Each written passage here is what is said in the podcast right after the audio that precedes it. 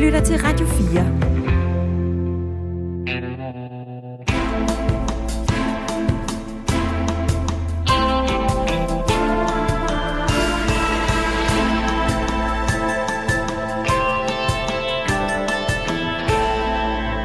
Russerne forbereder invasionen af Bornholm. De har enheder, der er udpeget til at tage Bornholm, øvet at tage Bornholm, og øvrigt er det de samme enheder, der har øvet at tage den svenske ø Gotland, som gør, at man kan lukke Østersøen for NATO. Så Gotland og Bornholm er truet fra russisk side. Selvom Rusland knap to måneder inde i krigen i Ukraine stadig har sin første store sejr til gode på slagmarken, er der alligevel god grund til at være bekymret for en russisk invasion af Bornholm. Det mener Jeppe Trautner som forsker i europæisk sikkerhedspolitik på Aalborg Universitet, og samtidig er en del af forsvaret som major af reserven. Vi skal være virkelig, virkelig bange. Putin vil gøre alt for at bevare magten i Rusland. Putins alternativ til at være præsident af Rusland, det er formentlig at være død eller i fængsel eller fattig, eller en kombination af de tre ting. Og derfor er han komplet uterrenelig. Lige nu er den russiske invasionsstyrke, der skal tage Bornholm, et sted i Sortehavet. Men hvis Putin vil forsøge at invadere de baltiske lande, er truslen mod Bornholm meget stor. Hvor bange skal vi være for Putin? Og hvor stor er risikoen for, at han griber til atomvåben? Den er formodentlig relativt høj. Jeppe Trautner, forsker i europæisk sikkerhedspolitik og major af reserven, er dagens gæst i Sport på Radio 4. Jeg hedder Jakob Grosen. Velkommen til Sport på Radio 4, Jeppe Trautner. Mange tak. Vil du vurdere, at der er mere end 2% sandsynlighed for, at Rusland på et tidspunkt angriber Danmark? Ja, det vil jeg. Men angriber Danmark, det kan man forestille sig på flere måder. Man kan forestille sig, at de kommer med hele den røde her nærmest og, og går gennem Tyskland og Europa og Danmark. Det, det tror jeg ikke er 2%, det er nok 0,2% risiko for. Derimod er der en risiko for en krig mellem NATO og øh, Rusland, og i tilfælde af en sådan krig, så er de danske flyvestationer og især øen Bornholm temmelig truet. Hvor stor er truslen mod Bornholm? Den er betydelig, fordi sidder man på Bornholm med antiskibsmissiler og antiflymissiler, så har man lukket Østersøen for NATO. Og det vil sige, ønsker øh, Rusland at tage de tre baltiske lande, så er Bornholm en fornuftig del af pakken. Så det har de også forberedt sig på at tage. I begyndelsen af marts indgik den øh, socialdemokratiske regering med Venstre, det konservative Folkeparti, Radikale Venstre og SF øh, den her aftale, der blev kaldt et nationalt kompromis om dansk sikkerhedspolitik. Og den går ud på, at øh, Danmark vil øge udgifterne til forsvaret med 7 milliarder de kommende to år, og med 18 milliarder ekstra om året, når der står 2033 i kalenderen. Så på den måde vil forsvarsbudgettet altså stige til 52,5 milliarder kroner i 2033, og det svarer til 2% af vores BNP, og det er jo det, et øh, NATO-medlemskab øh, forpligter til. Synes du, det er en øh, god idé? Og først vil jeg lige, undskyld, korrigere lidt på den med de 7 milliarder. Det er i virkeligheden ikke 7 milliarder, men 5 milliarder, fordi nogle af pengene skal gå til diplomati og humanitær hjælp. Så det drejer sig om 5 milliarder fordelt over to år. Det vil sige, det er 2,5 milliarder i 2022 og 2,5 milliarder i 2023. Desværre så er de penge allerede brugt, fordi Priserne på energi er steget, og priserne på våben, ammunition og udrustning er også steget en del. Så i virkeligheden så er det en nulløsning i 2022 og 2023. Jeg har dog set, at regeringen ønsker at købe nogle VIP-transportfly, så man kan flyve rundt standsmæssigt, og det må man så købe for penge, der ikke er der. Så nej, i virkeligheden kommer man ikke til at bruge penge på forsvarets opbygning i 2022 eller 2023 det er sådan, det er blevet udlagt, mm. altså det her nationale kompromis om dansk sikkerhedspolitik, at der bliver tilført ja. nogle ekstra penge, og det, det gælder både de kommende to år, og så skal vi op på de der 18 milliarder ekstra om året, når der står 2033. Øh, synes du, det er en god idé? Jeg synes, det er en god idé at bruge flere penge på forsvaret nu, blandt andet fordi alle andre lande end Danmark bruger flere penge på forsvaret nu. Tyskland har lige lagt to års forsvarsbudget oveni deres forsvarsbudget, og vil 2024 formentlig være på 2 procent. Så Danmark er det land i Nordeuropa, der ikke vil bruge flere penge på forsvar. Og det synes jeg er lidt underligt, når alle andre gør det, og vi i øvrigt er i den værste sikkerhedspolitiske situation i 77 år. Men Danmark kan jo selvfølgelig godt kigge på det og tænke, at øhm, vi behøver ikke bruge penge, for det gør alle de andre. Så kan vi jo så spare penge. Det må være sådan nogle tanker, der har rørt sig.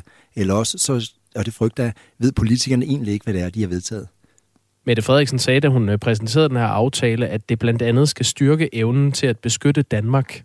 Nu øh, sagde du før, at øh, Bornholm er i, øh, i risiko for et angreb fra russisk side.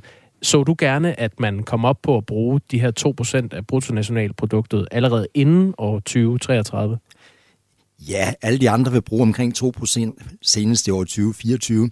Og det er jo nu problemerne er. Jeg synes, det er en dårlig idé at bruge 2% på forsvaret i 2033 eller deromkring, hvis der er en fredelig situation og et demokratisk Rusland. Det er lige nu, problemerne er der, så jeg tænker, det er nu, man skal gøre noget, og ikke i 2033.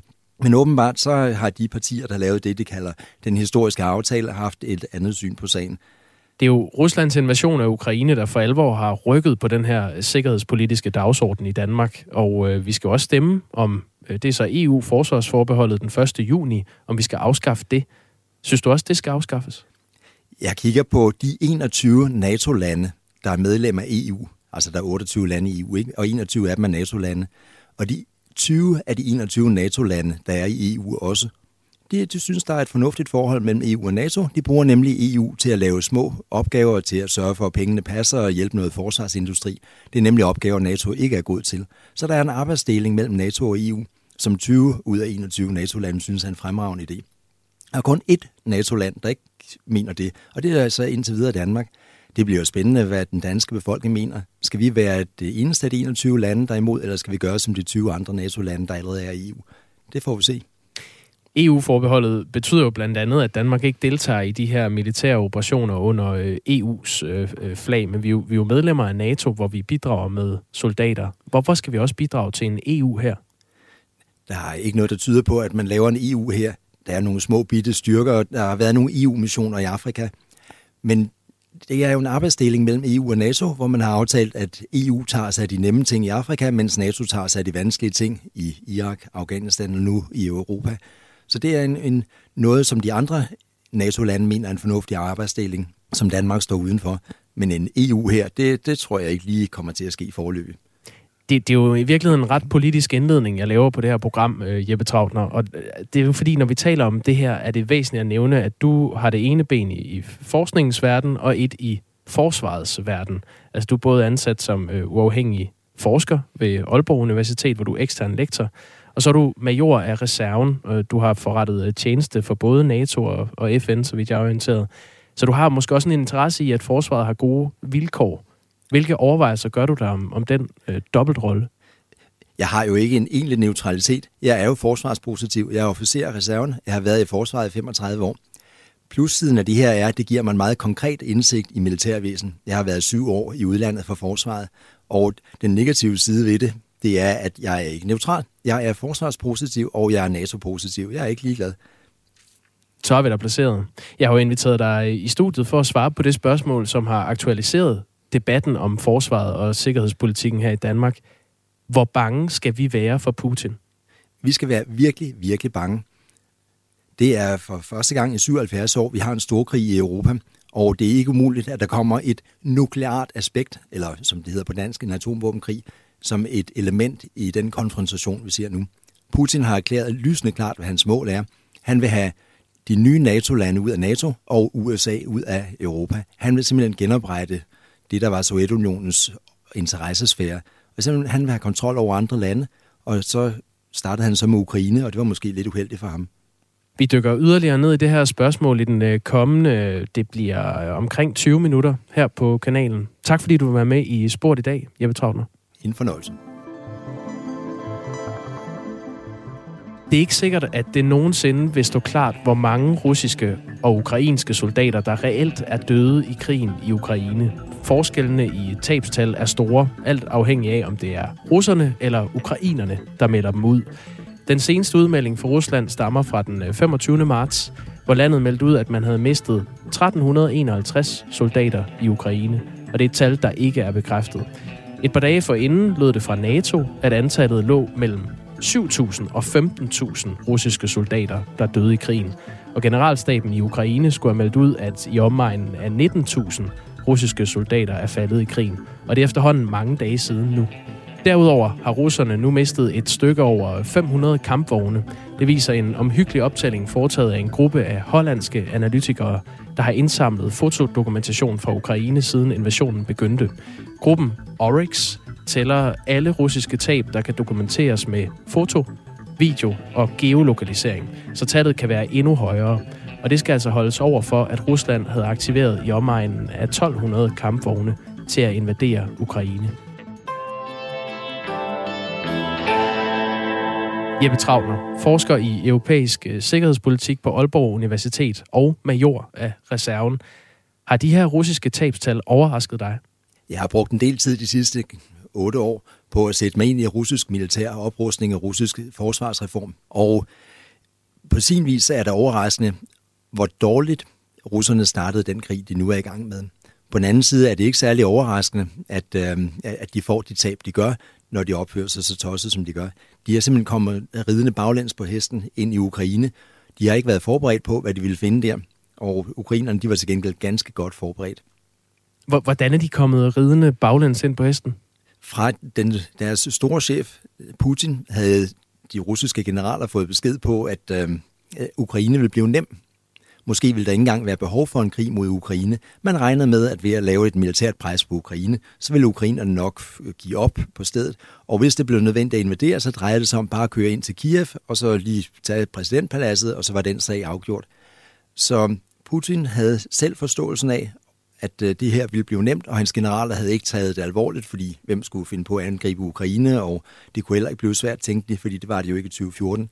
Og så går de bare i noget, der er umådeligt meget vanskeligere, end det de havde forberedt sig på. Så de kommer med de forkerte styrker i den forkerte rækkefølge, men den forkerte logistik og den forkerte forberedelse. Det går rigtig, rigtig dårligt for dem. Hvad siger det dig, at Rusland har haft så svært ved at få bare én stor militær sejr ved den her invasion?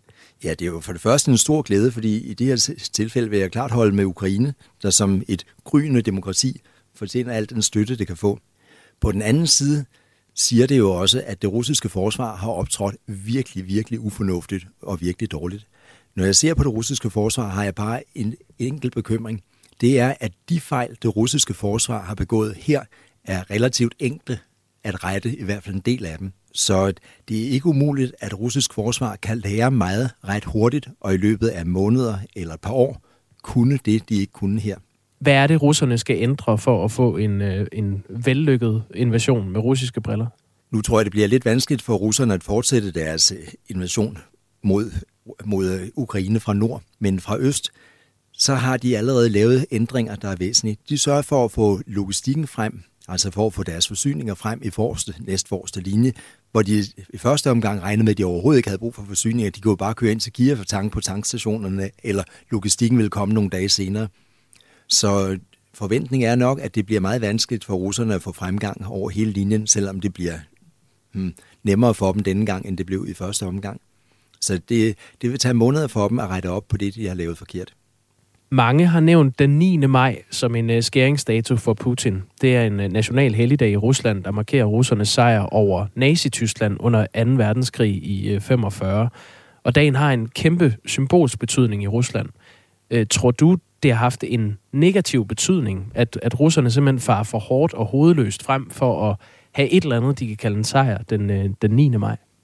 Vi kender jo ikke de direktiver, som Putin giver til sine generaler, og i øvrigt har Putin taget det utroligt fornuftige skridt, militært set i hvert fald, at han har udpeget én general til at være chef for invasionen af Ukraine, i stedet for som før, hvor der var fire generaler, der var chef for samtidig, det gik også derefter.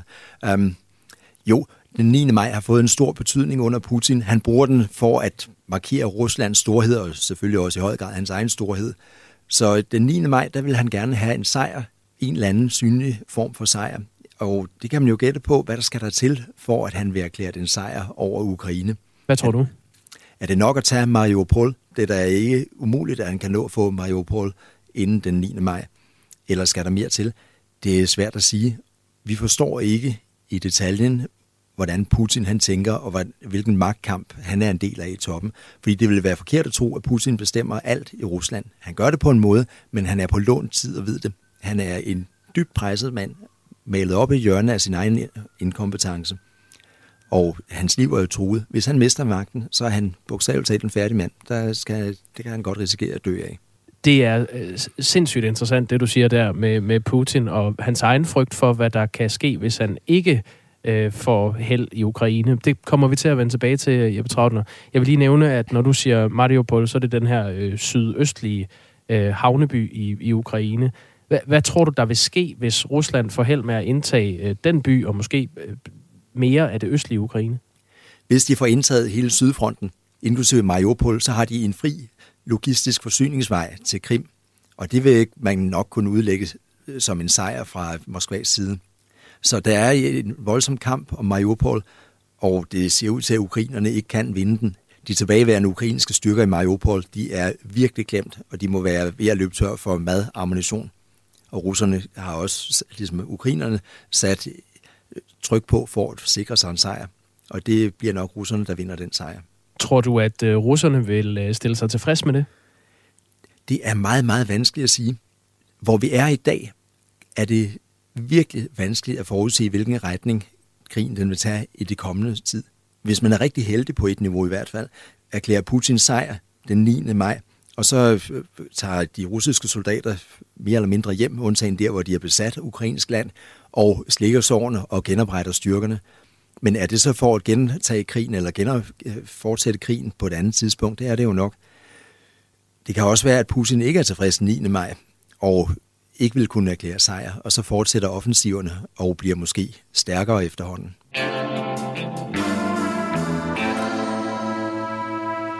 Du lytter til Sport, Radio 4's dybtegående interviewprogram. I dag er min øh, gæst Jeppe Trautner, som øh, forsker i europæisk sikkerhedspolitik på Aalborg Universitet, og derudover også er major af reserven. Jeg ved, du står på vej til, øh, til de baltiske lande. Hvad, hvad skal du der? Jeg skal arbejde for dansk forsvar i de baltiske lande i de kommende måneder. Kan du sige mere om, hvad du skal? Nej. Ikke at det er specielt hemmeligt, men der er militær sikkerhed, og det giver ikke mening, at jeg fortæller i videre omfang, hvad det er, vi foretager os, andet end vi selvfølgelig hjælper de baltiske lande. Nord for Ukraine ligger øh, Belarus, eller øh, Hvide Rusland, om man vil. Det er jo et land, der er allieret med, øh, med Putins Rusland. Derefter, hvis man går nordpå, så finder man øh, Litauen, Letland og Estland, altså de baltiske lande, klods op af Ruslands grænse. De tre lande er medlemmer af NATO, øh, og så grænser de i øvrigt op til Østersøen. På den anden side af Østersøen, der finder man Sverige. Så Baltikum er om end endnu tættere på Danmark, end, øh, end Ukraine er. Og selvom de baltiske lande er medlemmer af NATO, så betyder det ikke nødvendigvis, at de kan føle sig sikre. Kort efter Ruslands invasion af Ukraine var du, øh, Jeppe Trautner, med i Radio 4 morgen, hvor jeg interviewede dig. Og der, øh, der sagde du øh, sådan her. Her har vi jo en skal man sige, en politisk opfattelse blandt mange danskere, at fordi Danmark og Estland, Letland og Litauen er medlem af NATO, så kommer russerne ikke. Der er også mange danskere, der mener, at når man er medlem af Folkekirken, så kommer man i himlen. Og det har cirka samme karakter. Russerne er fuldstændig ligeglade med, om man er medlem af Folkekirken eller NATO. Det, de ser på, er, har man militære kapaciteter? Det har Estland, Letland og Litauen og Danmark ikke, så vi kan ikke beskytte Estland, Letland, Litauen og Bornholm, og derfor kan russerne tage det og vil gøre det, hvis de synes, det er fornuftigt. Nu har krigen i Ukraine så været i gang i små øh, to måneder, og øh, Rusland har altså, som vi også har nævnt i det her program, stadig til gode at fejre den første store sejr på, øh, på slagmarken. Vi taler mere om Bornholm og truslen mod Danmark lige om lidt, men hvordan ser du på den reelle trussel fra Rusland i dag, når det kommer til de baltiske lande? Den akutte trussel mod de tre baltiske lande og mod Polen, den er mindre, end den var for to måneder siden. Så stor en andel af de russiske styrker er i dag engageret i Ukraine, eller lige omkring Ukraine, så de ikke har meget frihed til hurtigt at vende om og tage Estland, Letland, Litauen eller angribe Polen. Så truslen er for tiden lavere, end den var før. Jeg vil ikke sige, at den er nul. Det vil være at stramme den fordi det er cirka halvdelen af de russiske styrker, der er indsat mod Ukraine. Den anden halvdel af de russiske styrker er hjemme på kasernerne. Det er godt nok værnepligtige, der er under uddannelse, og folk, der måske ikke er i særlig god form, der er derhjemme, men man skal ikke negligere, at der er en betydelig militær styrke fortsat hjemme på kasernerne. Danmark er klar til at sende 800 soldater fra kampbataljonen til Letland efter en anmodning fra NATO de her 800 soldater i kampbataljonen er de bedste og mest professionelle kampsoldater, Danmark råder over. Er det i relation til det, du skal til Baltikum? Det er ikke direkte i relation til, øh, til den bataljon, der bliver sendt over. Det er en andet dansk støtte til øh, de baltiske lande, som jeg deltager i. Det er ikke noget skæg og blå briller. Det er militær planlægning og militær føring. Altså skal man sige, specialistdiscipliner, som jeg bidrager til og hvor målet er at opbygge de baltiske forsvar, så de bliver stærkere og i højere grad og i længere tid vil kunne imødegå en russisk invasion, hvis det skulle ske. Alright. Hvad, hvad betyder det for forsvaret af de baltiske lande, hvis, øh, hvis Rusland skulle øh, beslutte at angribe der, at Danmark sender 800 soldater fra kampbataljonen til Letland? Det er en stor hjælp. Det er en hjælp på to måder. Dels kan de 800 faktisk slås. Det er nok måske lidt tvivlsomt i, hvor lang tid de kan slås, fordi man ikke har den dybe logistik, der skal til at holde dem i kamp i flere døgn. Men sammen med de baltiske lande, som jo har deres egne forsvar, som de har forberedt i overvis, og selvfølgelig er der nogle kvalitetsudfordringer hos dem også, men man må sige, at de baltiske lande, de gør alt, hvad de kan for at forsvare sig. Problemet med de baltiske lande er bare, at deres befolkninger er så små. Det skyldes, at de var besat af Sovjetunionen i 45 år, og rigtig mange af balterne blev ja, myrdet og deporteret, og de økonomiske vilkår var sådan, at folk ikke fik for mange børn. Så man må sige, at de baltiske lande har cirka halvdelen af den befolkning, de ville have haft, hvis ikke de havde været besat. Plus at deres økonomi også er nok halvt så stor, eller en tredjedel så stor, som hvis de havde været frie i perioden. Så de tre baltiske lande har ikke befolkningstallet og har ikke økonomien til at opbygge et forsvar alene. De har brug for vores hjælp, og derfor er det en rigtig god idé, synes jeg i hvert fald, at vi hjælper dem ved at sende den danske bataljon til Baltikum. Det er et rigtig godt signal, plus det har en rigtig god militær effekt. Det kan ikke være meget bedre. Har, har det nogen betydning for truslen mod Baltikum, om krigen i Ukraine ender med at gå godt eller skidt for Putin, som du ser det?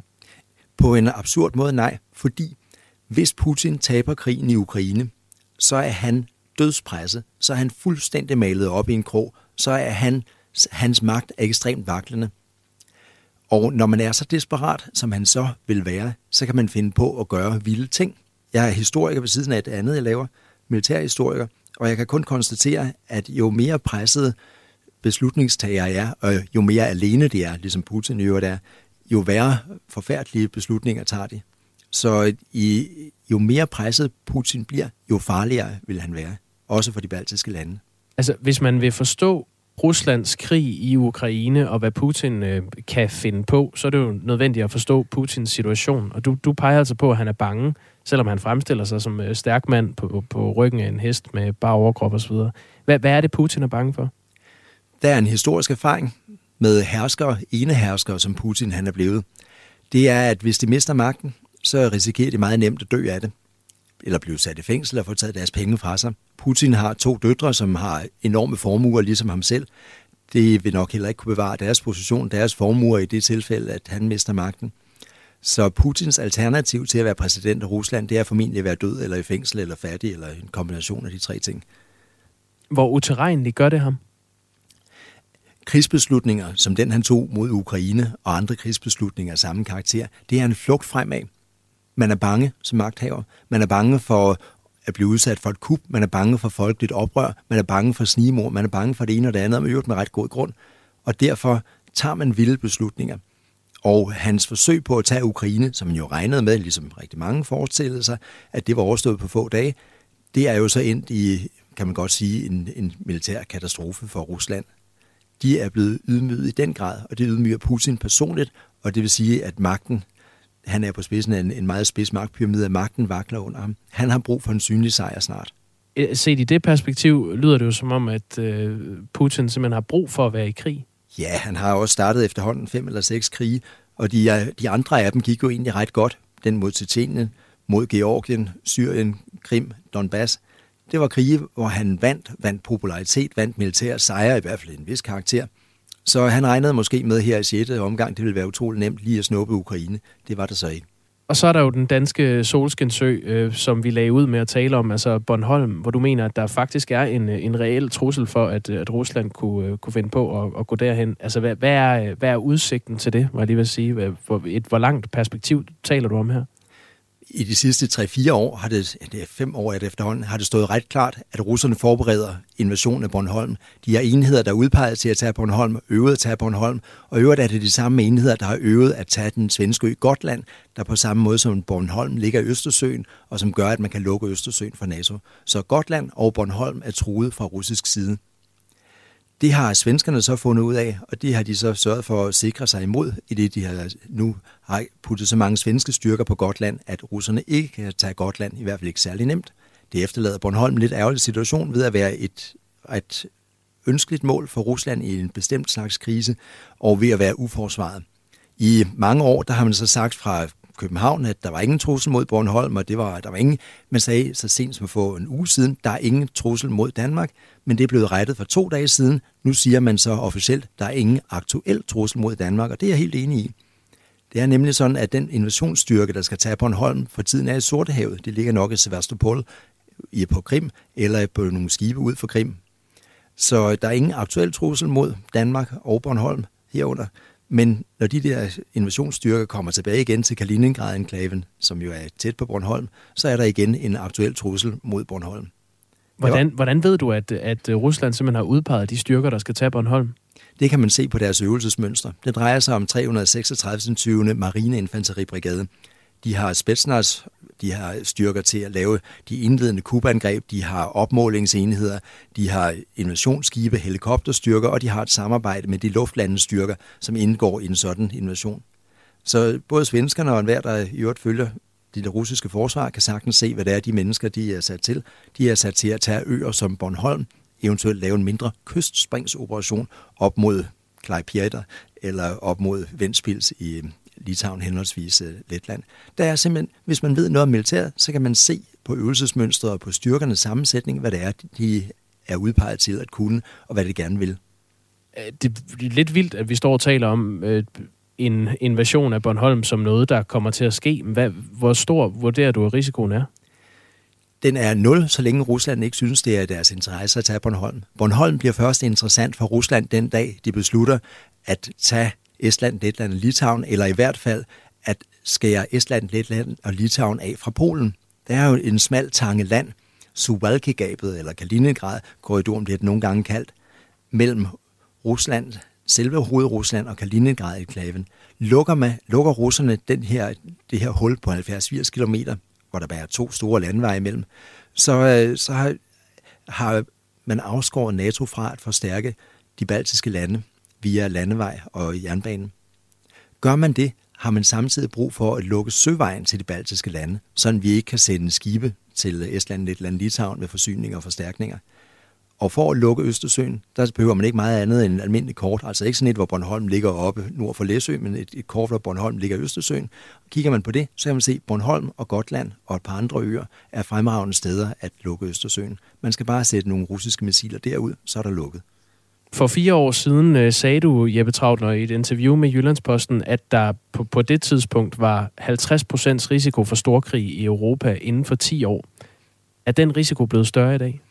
Jeg synes, vi er i en storkrig i Europa, og den risiko er også meget, meget stor for, at vi ser en spredning. NATO er indtil videre ikke involveret i den store krig, bortset fra selvfølgelig, at vi giver penge til Ukraine, vi giver våben til Ukraine, vi tillader frivillige at tage til Ukraine, vi giver efterretninger til Ukraine, og forresten så har vi også smidt en atombombe i den russiske økonomi. De sanktioner, vi har lavet mod Rusland, rammer den russiske statsøkonomi afsindig hårdt, og jeg kan ikke forestille mig andet i løbet af få måneder, end at den russiske statsøkonomi bliver ekstremt udfordret. Vi har simpelthen indenfrosset den russiske nationalbanks midler. Så ja, vi er, NATO er ikke i krig, i en varm krig med Rusland, men vi er i en vældig, vældig spændt situation med Rusland og der er et betydeligt folkeligt pres for, at mange NATO-lande skal involvere sig stærkere på Ukraines side. Og det er jo en, en meget vanskelig situation, også set fra, fra Ruslands side, hvor man nok er noget irriteret over, at NATO i den grad, og EU i øvrigt også, i den grad støtter Ukraine. Hvordan ser du på risikoen for, at Putin kommer til at tage atomvåben i brug i sådan en krig? Den er formodentlig relativt høj. Det er, meget, altså, det er jo noget pjat på en måde at sætte procenter på så det vil jeg ikke gøre. Men det er ikke vanskeligt at se scenarier, hvor det russiske forsvar er enormt klemt, for eksempel af en, en voldsom ukrainsk fremgang. Lad os nu sige, at russerne angriber for tidligt, fuldstændig taber orientering i det her og bliver rullet over de ukrainske styrker. Og Rusland er ved at få et svine nederlag til ukrainer, og russere ser jo generelt ukrainer som et lillebrorfolk. Det er jo ikke sjovt at få tæsket sin lillebror. I sådan nogle situationer kunne Putin tænkes at ville redde sin egen magt og sin egen prestige ved at stoppe krigen, og det kan han gøre meget hårdt og hurtigt med et par hurtige atomvåben mod Ukraine og sige, hvis I ikke stopper nu, så får I et i Kiev. Hvad vil være et modsvar fra Vesten? Jeg kan ikke komme i tanke om en modsvar. Jeg håber ikke, du får ret, Jeppe Trautner, men øh, tak fordi du var med i spurt. Selv tak. Forsker i europæisk sikkerhedspolitik på Aalborg Universitet og major af reserven på vej til de baltiske lande. Jeg hedder Jakob Grosen. I næste uge inviterer min kollega Kasper Harbo en ny aktuel gæst i studiet for at blive spurgt. Du kan følge eller abonnere på Spurt i din øh, podcast-app, så får du den nyeste episode, lige så snart den udkommer. Hvis du har inputs eller feedback, så kan du fange os på spurt, radio4 med et firtal.dk. Tak fordi du har lyttet med.